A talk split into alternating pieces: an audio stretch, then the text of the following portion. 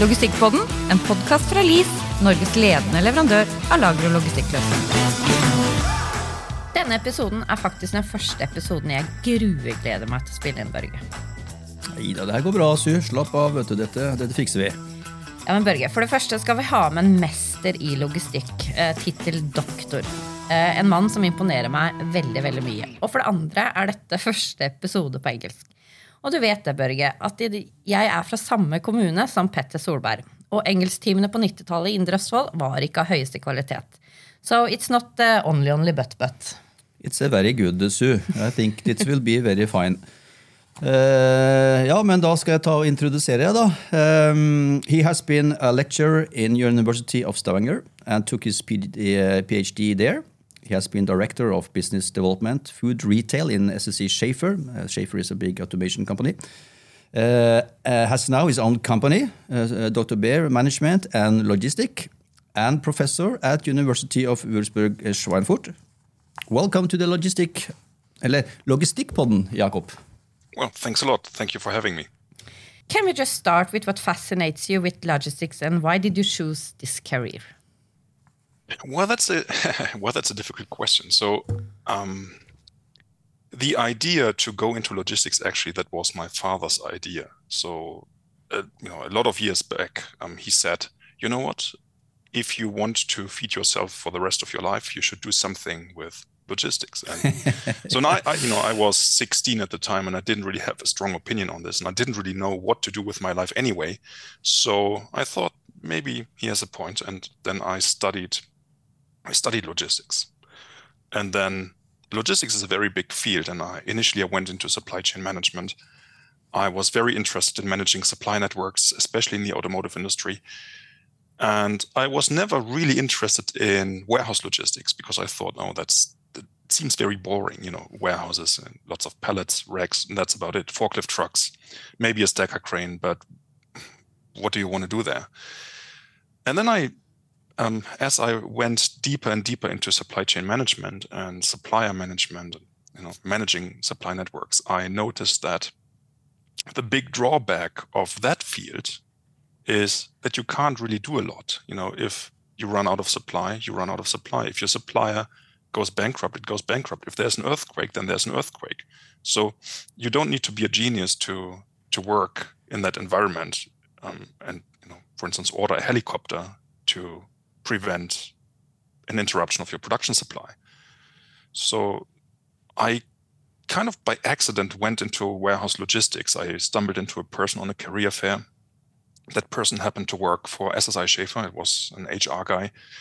And because I had nothing better to do at the time, I thought, let's give it a try. Yeah, why not? And it, it turned out it was the most interesting thing um, to to do. So it really was a an eye opener for me. And now I cannot think of any more interesting profession than warehouse automation and warehouse logistics.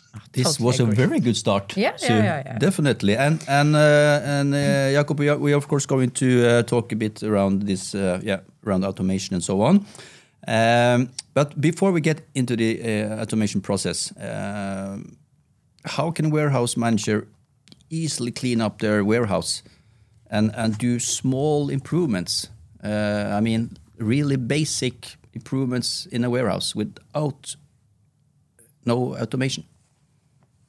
Well, that's a very, very relevant question um, because automation is a big topic, and we probably talk about automation a little later. Yeah. So, yeah, so how can you improve your warehouse on a budget, right? Well, I think the first thing that needs to be clear when you want to improve your warehouse is you need to be able to define your pain points and what your goals are as far as you are aware of them because sometimes you might you might not.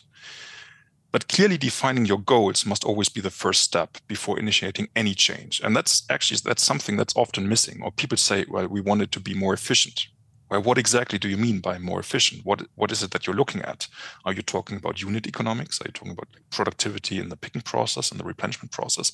Or are you maybe talking about order cycle time order lead time which is a very different topic and it's actually the opposite of being efficient if you want to be very quick that's not the same thing as being very efficient these are polar opposites and you can't have both so first thing is you need to be aware what is it that you want to achieve right? So that's the first thing. The second thing, in my in my opinion, is a very thorough analysis of your data. You know, your warehouse data is a treasure, and very few companies actually mine this treasure. And um, that's a pity because you can get a lot of things out of that. So many many warehouse managers would say, well, our our data isn't good enough to actually do something with it. Like our master data is incomplete, and probably they are right. Um, most master data is terrible, so that's that's probably true. But that's only one set of data, and there are several sets of data that you can work with.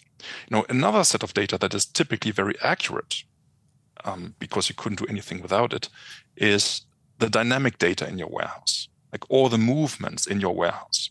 So they include all the picking orders, which of course need to be accurate, else you would be picking all the wrong things. But they also contain every time somebody scans uh, a storage position or an article, all of that is recorded. And that's a true treasure. You know, that this is millions of lines of data. Um, if you look at a time frame of a couple of months. And there's a lot you can glean from this data set. Even if your master data is terrible, even if you can't do anything with your master data, just this data set alone is very valuable. So the first thing that you could get out of that data, for instance, and uh, I mean, that's the obvious part, is you get a much better picture of all the orders, order lines, and quantities moved per unit of time, like every day and every hour. So no surprise here, everybody knows that. And typically warehouse managers have a very good feeling about that anyway. But then some things about this aren't so obvious at all. For instance, if you look at the distribution of orders over the week, or the distribution of order lines picked over the week or over the day, you actually see a lot of difference. So in many warehouses, for instance, you see a decline between Monday and Friday and it's not a steady decline. There's, there seems to be a dip on Wednesdays. And often it's despite the fact that there is a very good backlog of orders, a, a lot of things to work on. And still, you see this dip on a Wednesday or you see this dip on a Friday. And well, why is that? It can have many reasons. For instance, people are tired, and for good reason, because warehouse work is tiring. But first of all, you need to be aware of this. You need to understand if this is actually the case, and you can see this beautifully in your data. Or if you look at the distribution of order lines picked throughout the day, you know, it it very often looks like, um, you know, it goes up, and then you've got a dip in the afternoon, and then it goes up again, and then where does that dip in the afternoon come from? Well, again, people might be tired, or maybe there is no dip, but it's it's certainly helpful to know this and not just guess. So you can read this from your data right? And if you know, for instance, that there is this dip in the afternoon or that, or that there is this dip on a Wednesday, then you can start doing things about it. For instance, you can start, you know, job rotation. You know, people who've been picking all day, maybe they should do something else, which is less physically demanding. Or um, you can introduce elements of gamification, you know, some something like a competition, a picking competition, which some companies are doing with good results. So these are things, but you wouldn't do them if you were not aware of those problems, right? So that's one thing you can do with this data set. And that's the obvious part. Now there's a lot of less obvious parts. Now, one of the analyses that I believe everybody needs to do, and you can do this with the dynamic data, is a very simple ABC analysis. You know? And the ABC analysis helps us see exactly what are the fastest moving products and what are the slow, slowest moving products. And this is very important to know when you want to assign the appropriate storage locations, because obviously you want your fast movers to be easily accessible for pickers, right? And so that's that's one thing. Now, that's something that is very well known, but how many people, how many warehouse managers have you met who've done a warehouse, uh, sorry, an ABC analysis on their storage locations? Not so mm. many. Not so many, right? but that's actually that's actually a very interesting analysis because you know you can now see which storage locations are most frequently accessed, mm. and you can think of this as a kind of heat map, right? So, and this kind of heat map brings up rather interesting results very often. So, in a couple of projects that I've worked on last year, we have seen that some pallet locations in like 10 meters height have been very like, popular in, in air quotes. You know, the employees didn't like it, and certainly the warehouse managers would not like it if they had been aware of it, Mm. but they were not. But you could clearly see in the data, you know, people have to drive up to 10 meters height all the time. Or if you look at a um, at a small part storage system, regular shelves with bins for small parts picking, and you run your ABC analysis on those storage locations, very often you find, oh, we've got a lot of movements in the in the upper level, like on one meter eighty, uh, or in the very low level on 20 centimeters height. And that doesn't make a lot of sense, right? Because then people have to to bend and to, you know, Hmm. To stretch, and that's not very ergonomic. Now, speaking of which, you know, the, speaking of this ergonomic problem, if you have master data, and not everybody has good master data, but if, for instance, your master data contains weights, product weights, then you could actually couple these analyses and you could find out how many tons do we actually move from from or to which storage location. So how many tons of items do we pick out of that pallet position? How many tons of items do we pick from that small parts position? And you know, often enough, you will find that heavy products with high demand are stored in places that do create ergonomic problems for workers. Hmm. And this doesn't happen out of evil intent by evil warehouse managers. right? Most warehouse managers have good intentions. They don't like their people to suffer. But it probably happens because they need to find a storage location for a particular product. And you know, just that space in 20 centimeters height was available for that product that weighs 10 kilos. And so they take it. They they use that storage location. And these are the things that you can see when you look at the data.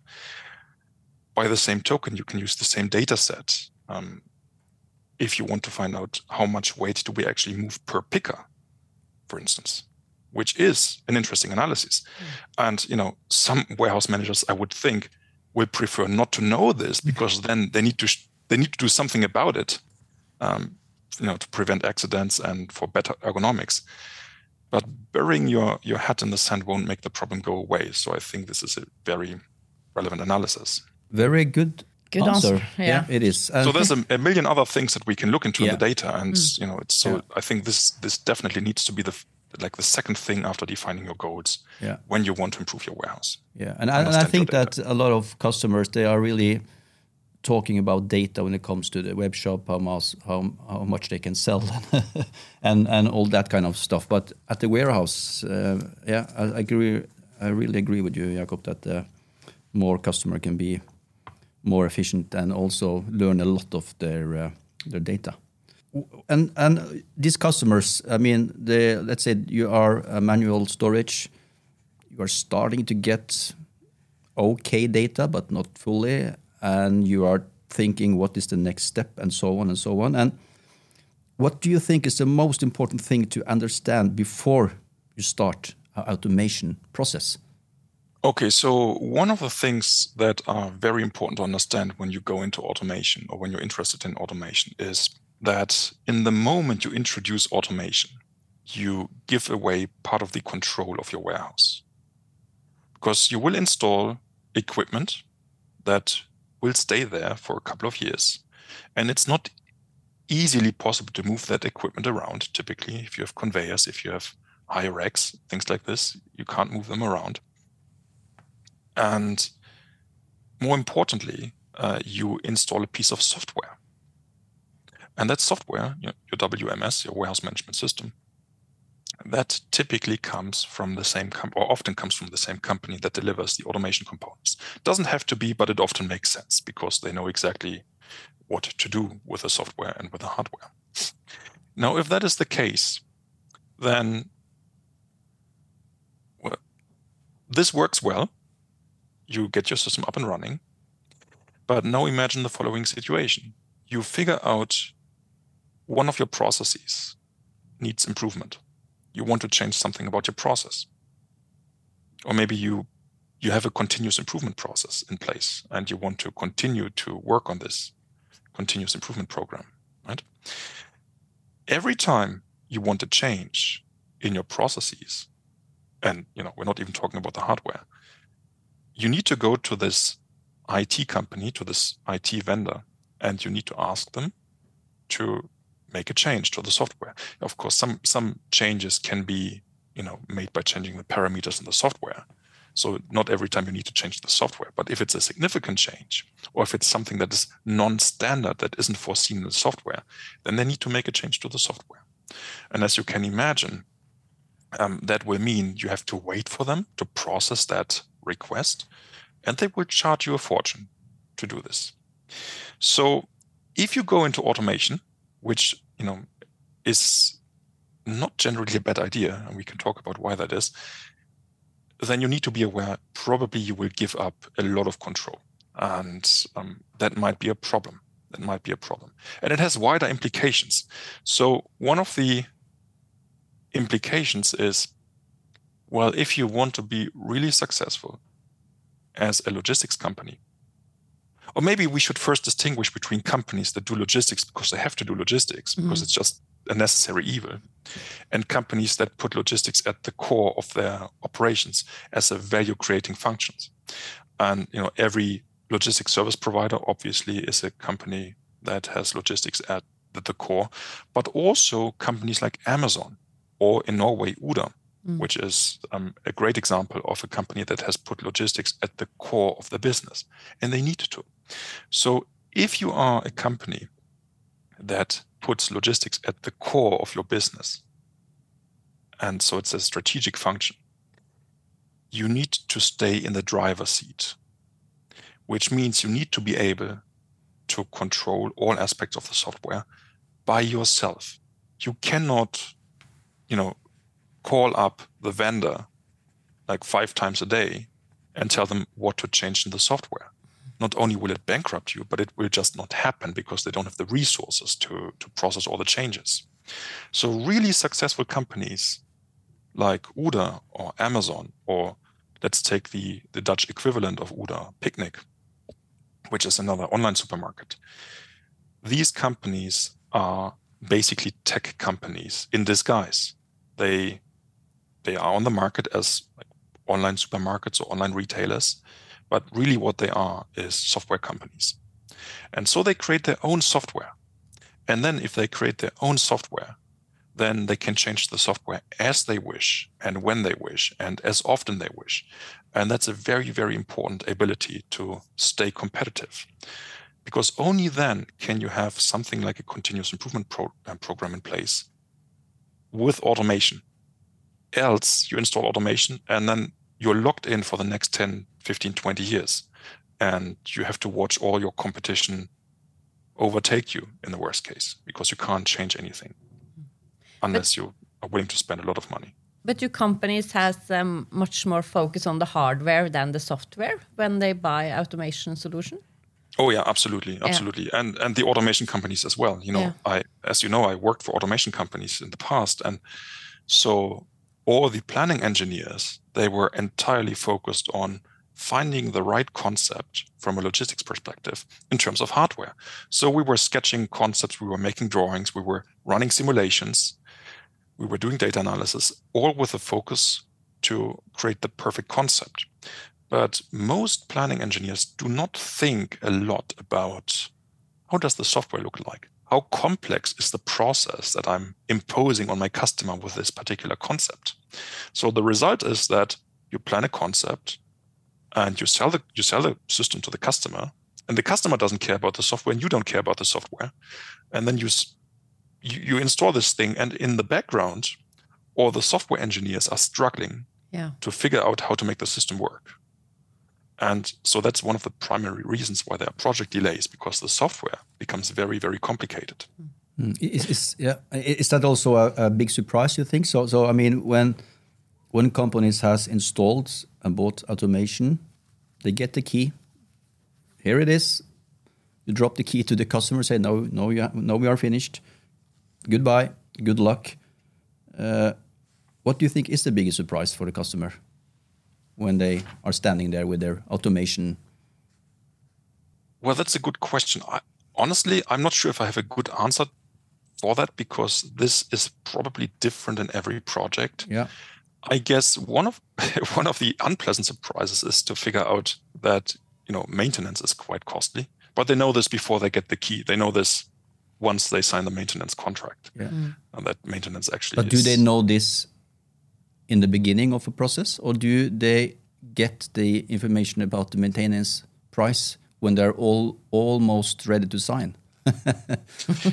Well, Or- I mean, all the automation companies they're trying to make you sign the contract before they talk about maintenance cost for obvious reasons. Yeah. Because the maintenance cost can actually, you know, they can blow up your business case, and so they like to push this out on the timeline a little bit. So sign the contract first, and then we have our maintenance crew, and they will advise you, and then you will get the best maintenance contract. But more and more companies are actually, you know, more and more customers understand that game, so hmm. they want to have total cost of ownership, hmm. meaning they want to understand the maintenance cost before they sign the contract, as they should, because the maintenance cost is a significant component of the overall cost. And the higher the degree of automation, the higher the, the automation level, the higher the maintenance cost. And it's not it's not a linear change; it's an exponential change. Mm-hmm. Because if you have a highly automated system that runs 24/7 or 16/5, then you know, and everything's automated, like all your processes are part of that automated system, then you cannot afford any downtimes. It's crucial the system is always running. So that makes you pay even more for maintenance because you want very fast reaction times for the hotline. You want maybe you want to have people on site, like resident maintenance people on site, all of which is very costly. Hmm. So it's good that companies begin to look at total cost of ownership. Now, with this, with that said, um, one of the surprises that companies sometimes have is to figure out that the business case, like the return on investment for the automation, the assumptions they've made for it are not always valid. So very often the return on investment calculation is based on full utilization of the system. So you say, well, we plan the system for, for the year 2030, and by the year 2030, we want to process, I don't know, 10,000 order lines per hour, if, if it's a big system. And if we process 10,000 order lines per hour with this automated system, we save like 15 people per work shift because the automated system is so much more efficient, or let's say so much more productive, to hmm. be more precise. Okay, so that will give us a return on investment of five years. Okay, fantastic.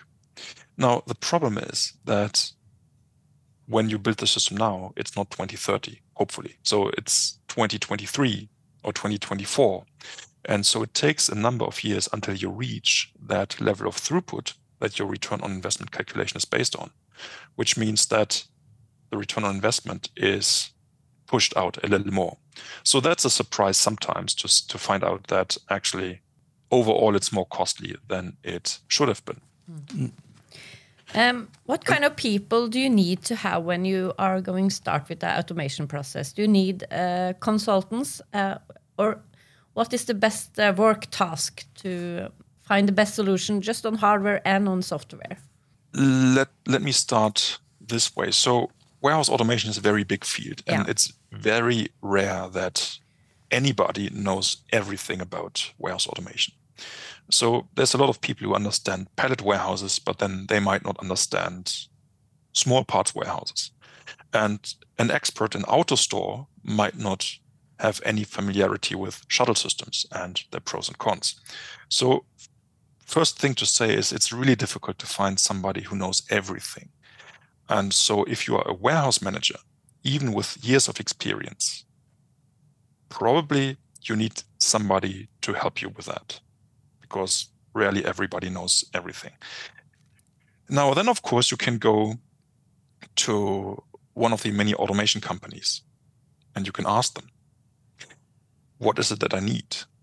Now, the difficult part about that is that if you go to a company that that wants to sell a particular system, they will find all the reasons in the world why that system is perfect for you, right? So ne- never ask a barber if you need a haircut. Mm. So if you go to to AutoStore, then of course they will tell you that AutoStore is just just right for you. Mm. And um, maybe you need some more robots if your ABC curve isn't as steep as it should be, but it is just perfect. Not saying they will say that. They're very honest people, of course. Um, very good people, and AutoStore is fantastic. But now there's a risk that somebody wants to sell you something. So, long story short, probably you want to have some neutral advice. You want to have some some consultant who is able to look into all the concepts and technologies and was able to analyze your data and then tell you exactly what is it that you need that perfectly meets your needs right with that said it's very difficult to find a consultant who actually understands all these things Except you. because a- again i mean uh, it's very rare that anybody knows everything about warehouse logistics. So it's really really difficult to find a good consultant. And i you know I, I noticed this when i worked in the automation industry and i worked with consultants on a daily basis almost. Um, adv- uh, you know consultants who were advising our prospective customers. Mm. and very often they made the projects very tedious because either they were incompetent this this happens um, because they maybe they are supply chain consultants and they are being thrown into an automation project and they have no idea what they're doing. This happens. Or they have not the best interest of the customer in mind. Like they want to generate man hours or man days so they can bill the customer um, or they're collecting data for their internal databases. So it was very difficult to work with consultants Hmm. very often and of course there are consultants who are excellent who did the best they could do uh, also the best for the customer but by no yeah, I, I wouldn't say that this was the standard. I would say this was, you know, very good consultants have been the exception. Mm. So it's it's a kind of a risky thing. You know, you probably want to talk to a couple of consultancy companies. You want to get a feeling. You want to you want to check their references. Um, you don't want to work with companies like McKinsey, um, who are fantastic consultancy companies, but they have no experience with warehouse automation or very little experience with warehouse automation. You want to work with people who have good warehouse automation background and who Mm. are very open-minded with respect to concepts and technology. So I, I guess that's um, that's one aspect of it. Now, what people do you need? You need somebody who analyzes your data. Uh, so a very good data analyst who also understands the warehouse automation technology. That's something that you need, because a- an analyst who is able to work with data doesn't automatically understand what to do with the data. And so these are two different pairs of shoes. In the best case, he or she can do both.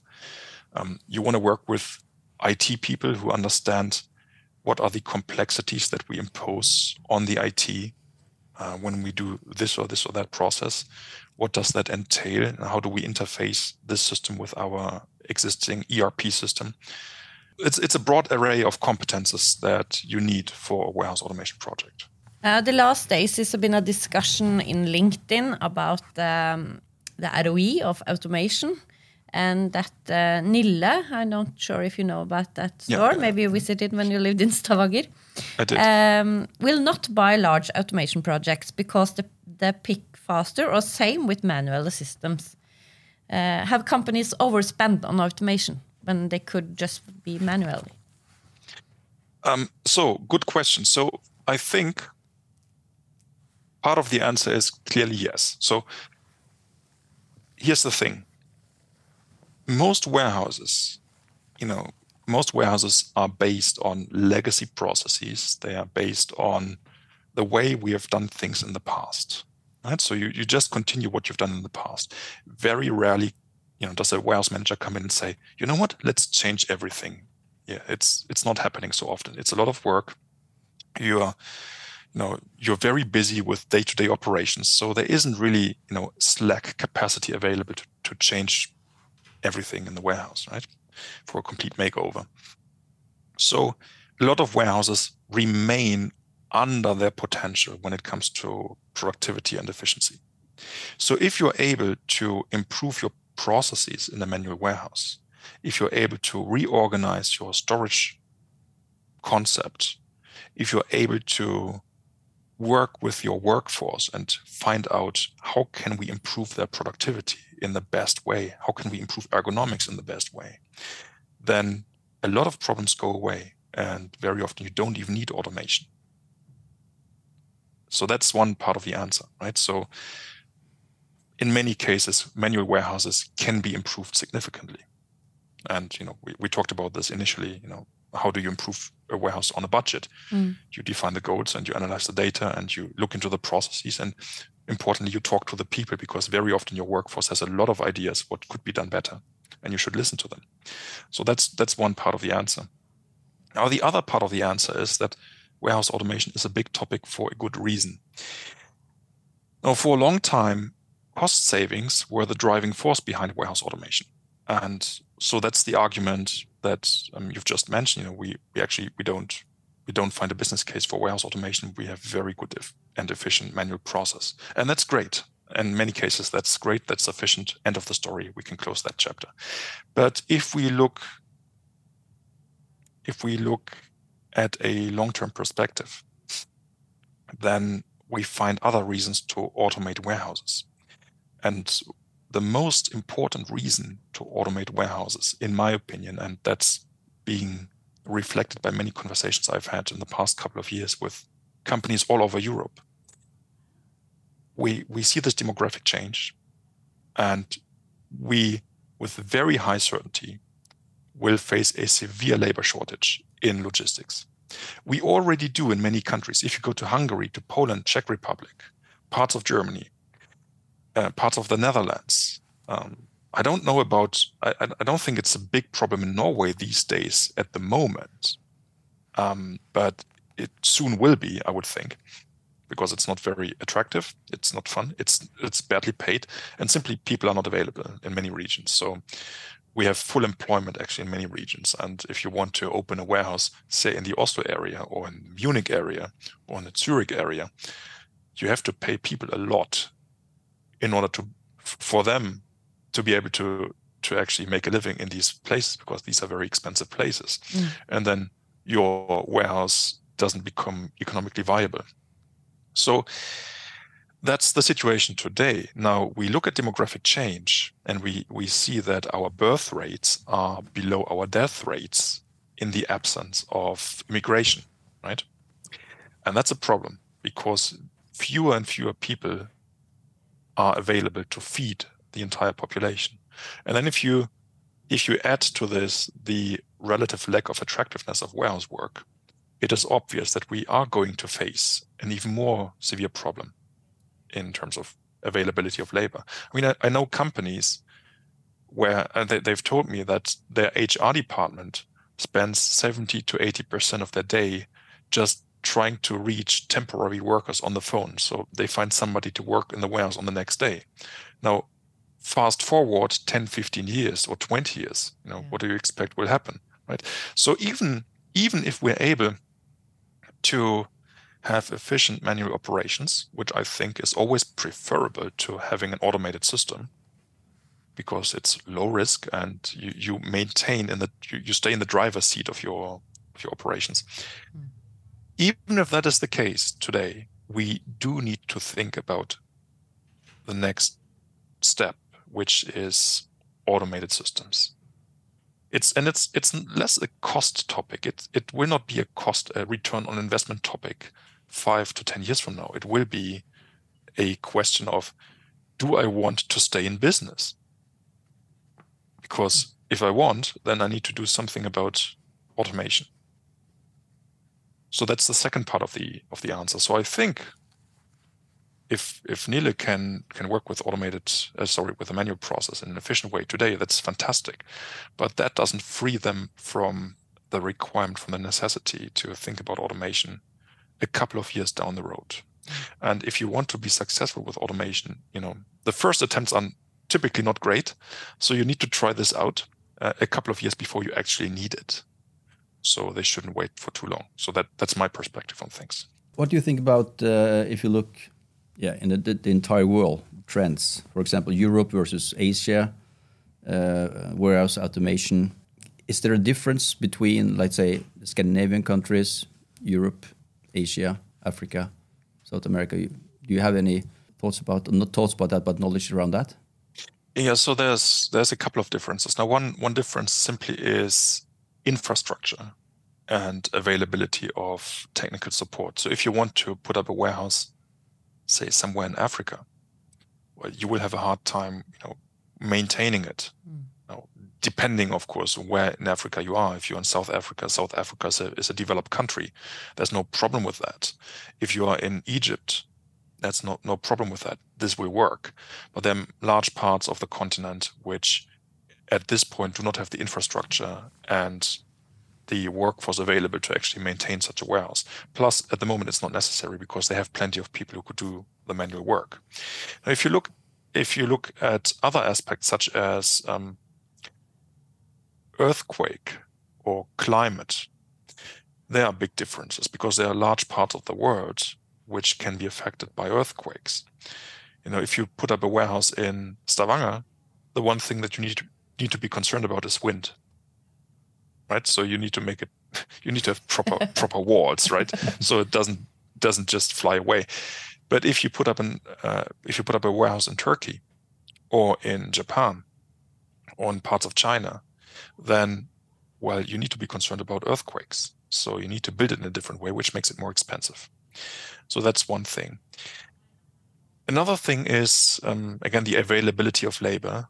Uh, so in many parts of the world, you still have lots of young people who can work in physically demanding jobs. But that's changing too. The difference is not um, the, the, the difference is just when does it change? So, for instance, if you look at China, China now is registering declining population. This came a bit earlier than expected, and it's a it's a consequence of long-term changes, you know, caused by the one child policies, for instance. But generally speaking, all developed countries have declining birth rates. So we will have the same problem everywhere. And now the big fear that the world would have too many people to sustain, well, that actually becomes it becomes quite the opposite. You know, at, at some point we might not have enough people to sustain the elderly population. So warehouse automation and factory automation or automation of anything really becomes a more and more important topic, regardless where you look.